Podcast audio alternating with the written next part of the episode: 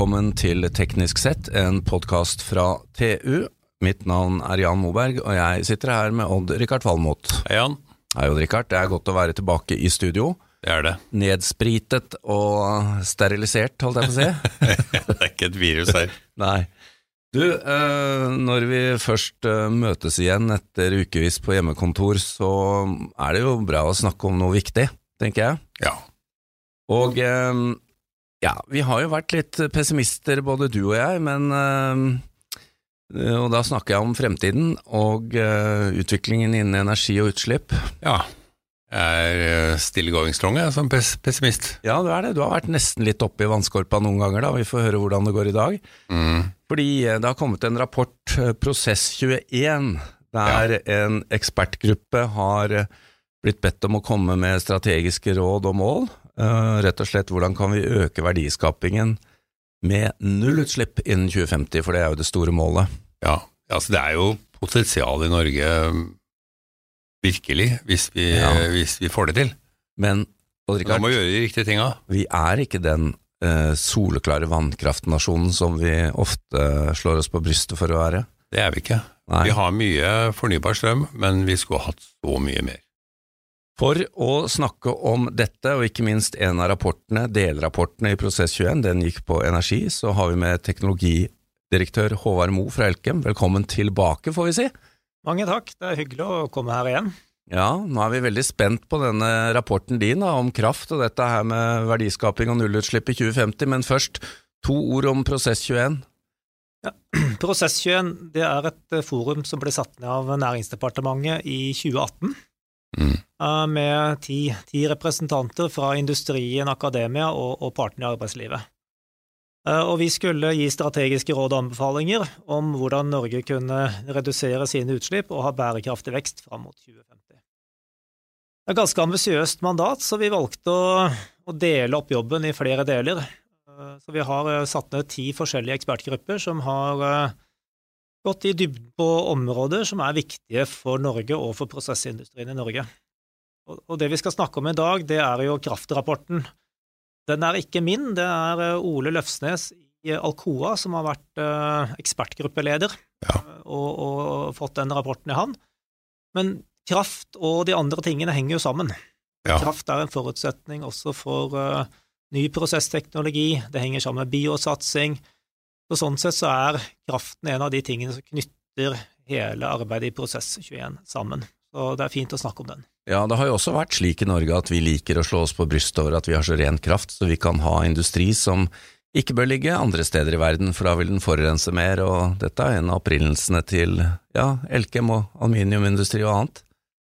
Men eh, hvordan henger det egentlig sammen? Det, det er riktig at industrien den, eh, den bruker eh, ren fornybar kraft. Ser du på hvor mye vi bruker i eh, industrien, vi bruker en mellom 60 og 70 terawatt-timer eh, energi som, som både reaktanter og som energi til å drive prosessene, og da er jo mesteparten er elektrisk kraft. Så sånn sett så er industrien i Norge ren. Men ser vi på Norge totalt sett og sier at vi har et rent energiforbruk i Norge, så er det å ta det litt langt. Vi, har Ja. har nok ikke mer enn halvparten som er eh, fornybart, og resten er fossilt. Ja, og da går det fossile går til typisk transport. Ja, det går til transport. Også, vi bruker ganske mye på sokkelen. Vi bruker en uh, ca. 70 terawatt-timer til, å- til å drive oljeplattformene våre. Ja, den, det- den, strømmen kommer jo, eller den uh, energien kommer jo fra fossilt. Og så går det mye til transport, og så er det en del andre områder også hvor det går, eh, hvor det går eh, fossilt, eh, oppvarming og sånne ting. Så vi har av de 240 terawatt-timene vi bruker på land, vi da ser bort fra sokkelen, så kommer ca. 135 terawatt-timer fra, um, fra vannkraften. Ja, og det er klart mange har pekt på at Norge har veldig mye fornybar vannkraft, og vi har magasiner, og veldig mye er bra i det norske strømnettet, men eh, ambisjonene er jo veldig store for å elektrifisere transport, sokkelen, eh, industrien etc. Vi har jo på langt nær nok til det. Og spesielt når vi skal sende det her ut i Nordsjøen og drive plattformene. Da begynner vi virkelig å mangle strøm. Det, det, er riktig, og, og, det er jo det vi tar for oss i den ekspertgrupperapporten uh, som, uh, som, Ole her uh, ledet utarbeidelsen av. Vi, vi, gjorde noen enkle estimater av, av forbruksveksten framover. og da, da, var konklusjonen at vi, vi trenger jo mellom 50 og 60 TWh ekstra for å dekke opp økt strømforbruk fram mot 2050. Og Min personlige oppfatning av det, det er at det, er, det, høres veldig mye ut, det er mange som har reagert på det, ja. men jeg, jeg, tror det er en nedre sjiktet av hva det faktisk kommer til å bli. Jeg er tilbøyelig til å være enig med Det blir sannsynligvis mer. Og spørsmålet er, ingen vil jo peke på hvor det skal komme fra, for det er betent. Ja, vi vil i hvert fall ikke bygge ut landbasert vind eller flere vannkraftverk, så hva gjør vi? Ja, statsministeren sa det ganske fint på mandag, det er politisk sprengstoff i denne rapporten. Så, så, så, sånn sett så, så mange, mange oppfatninger om det. Ingen vil tenne lunta her.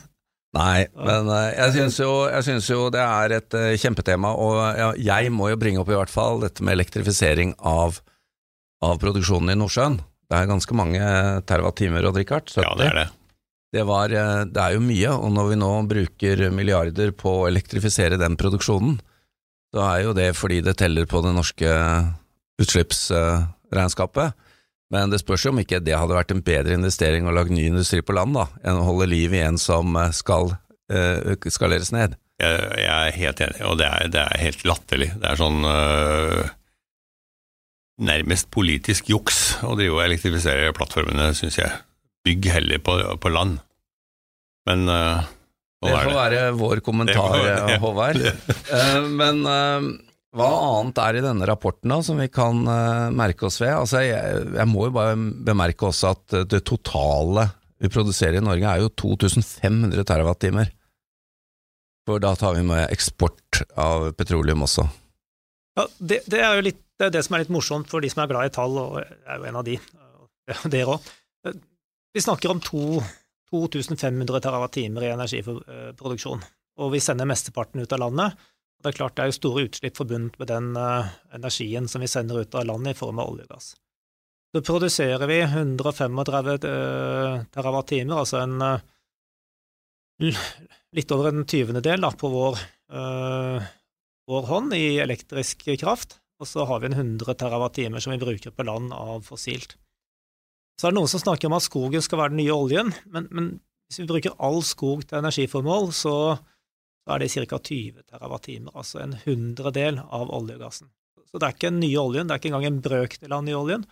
Og vi har også skrevet en ekspertgrupperapport på, på bio, som du gjerne må ta opp her, for det, den sier også litt om hva ja. man bør bruke bioressursene til. Ja, for det du snakker om da, det er den årlige tilveksten i norske skoger? Ja, det vi kan ta ut bærekraftig. Ja. Det er kun en prosent av hva vi produserer på sokkelen årlig, altså? Ja. ja. I energi, hvis vi brant alt sammen? Ja, Dæven, det var lite. Begge deler kommer fra sola, men uh, litt forskjøvet i tid. Ja, Det sier jo også hvor uh, stor energitetthet det er vi eksporterer fra Nordsjøen. da. Ja. Det, er jo, det er jo ikke rart det blir store, store verdier av det. Så Det som er morsomt når vi ser framover, hvis vi skal ha tette eksportgapet vi har et, uh, Hvis vi tar bort olje og gass, så har vi et handelsunderskudd på ca. 300 milliarder i Norge. Vi har et godt overskudd. Med god oljepris så har vi et godt overskudd på handelsbalansen, ja. men det er ca. 300 milliarder. Norsk prosessindustri eksporterer vi, vi, har en omsetning på 200 milliarder, og vi eksporterer for ca. 160-170 milliarder i året. Og Her er det mulighet til å hente ganske mye. Vi kan, ja. uh, vi kan doble vår uh, eksport i løpet av en tiårsperiode. Det forutsetter at man, uh, man, bygger ut industrien, at man gjør kraften tilgjengelig. Og det her vil være industri som produsere i tråd med Parisavtalen og EUs utslippsmål. Har dere da tenkt på spesielle industrier, liksom batterier og råvarer til batterier og sånt? Batterier er det som har kommet opp både fra NHO sin analyse og fra Prosess21 som den største, den desidert største muligheten Norge har de neste fem årene. Ja, det ligger ja. jo tre svære prosjekter, og vi har jo snakket med minst to av de, Odd Rikard. Du har vel skrevet om den tredje? Med, ja, vi har snakka med alle sammen. Her har du både Freyr og Morrow og, og samarbeidet med Equinor og Panasonic og, og Hydro. Og Hydro. Ja. Uh, men Håvard, du kan jo kjøpe sertifikater, så disse, når du skal bygge disse fabrikkene, så kan du kjøpe sertifikater og legge det et annet sted i verden, da, eller i Europa? Det er mange som gjør det. det norske vannkraften er jo solgt ut på sertifikatsiden, og det er jo litt interessant, for det går jo ikke 135 TWh med strøm i året ut av de kablene som vi har lagt. Nei. Men opprinnelsesgarantiene er solgt, så, så, produsenter i Polen som uh, produserer basert på kull, de kan kjøpe seg et sertifikat og være grønne.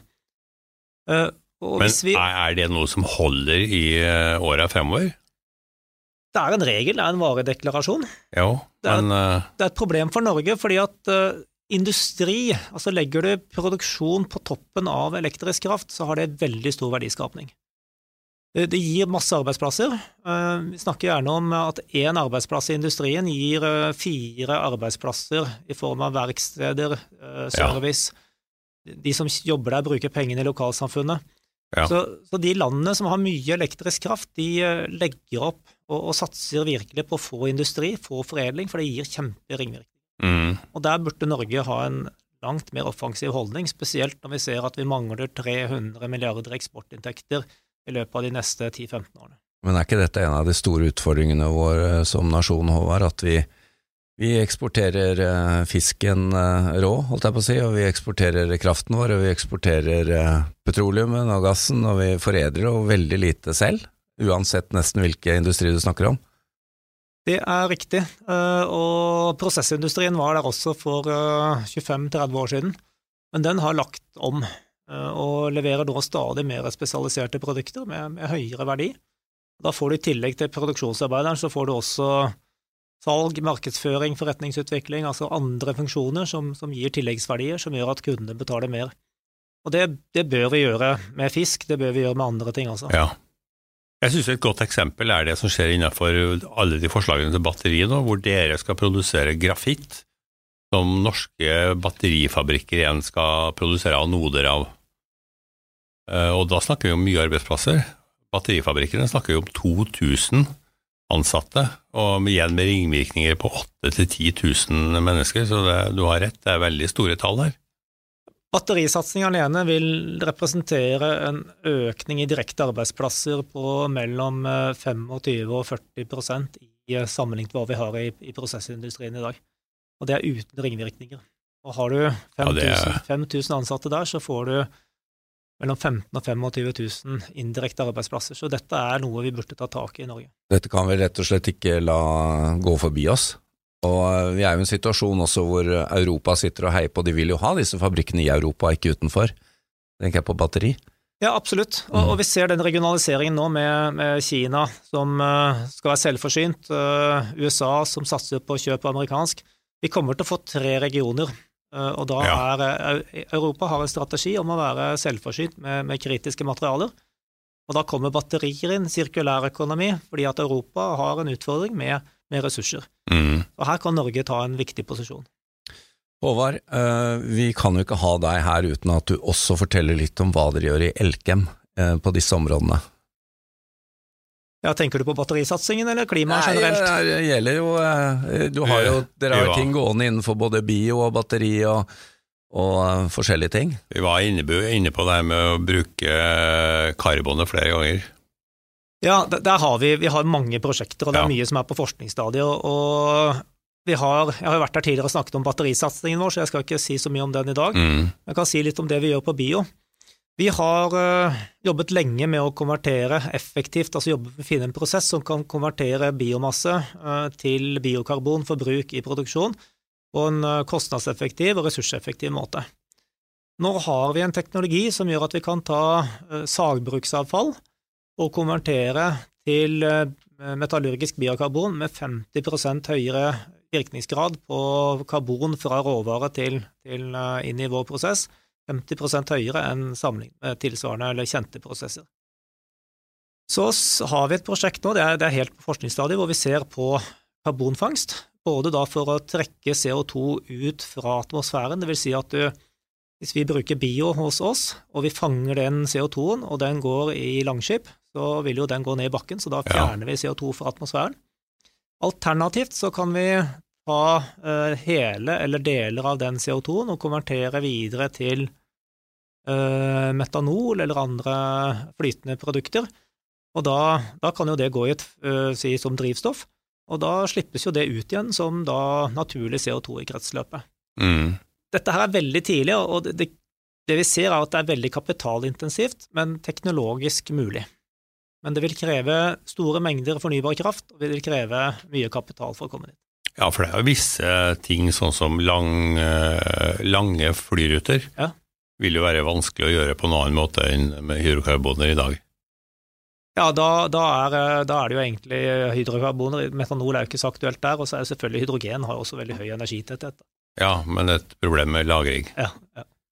Ja, avslutningsvis, eh, Håvard, må vi også inn på Det er 30 år igjen til 2050 skal være nøytrale. Vi har ikke så lang tid. Altså, hva er de store perspektivene på dette?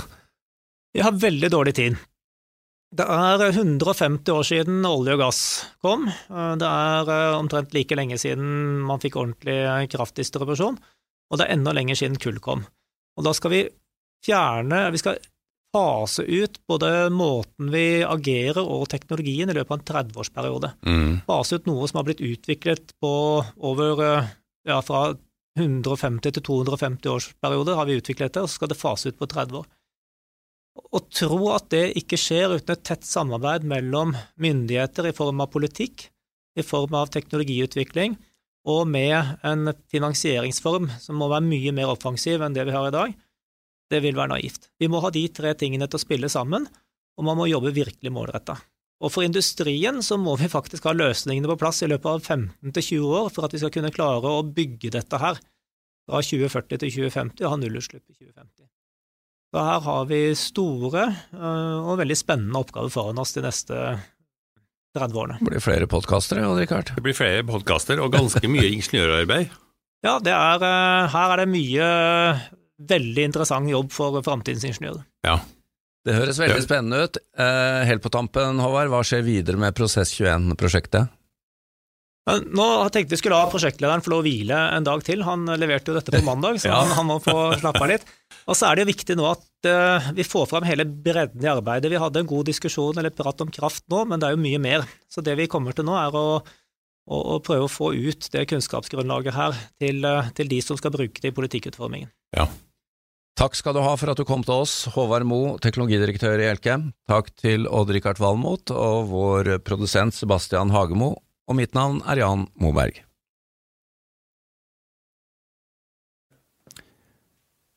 Dersom du ønsker å konsumere enda mer innhold fra oss i TU.no og Digi.no, anbefaler vi at du blir abonnent.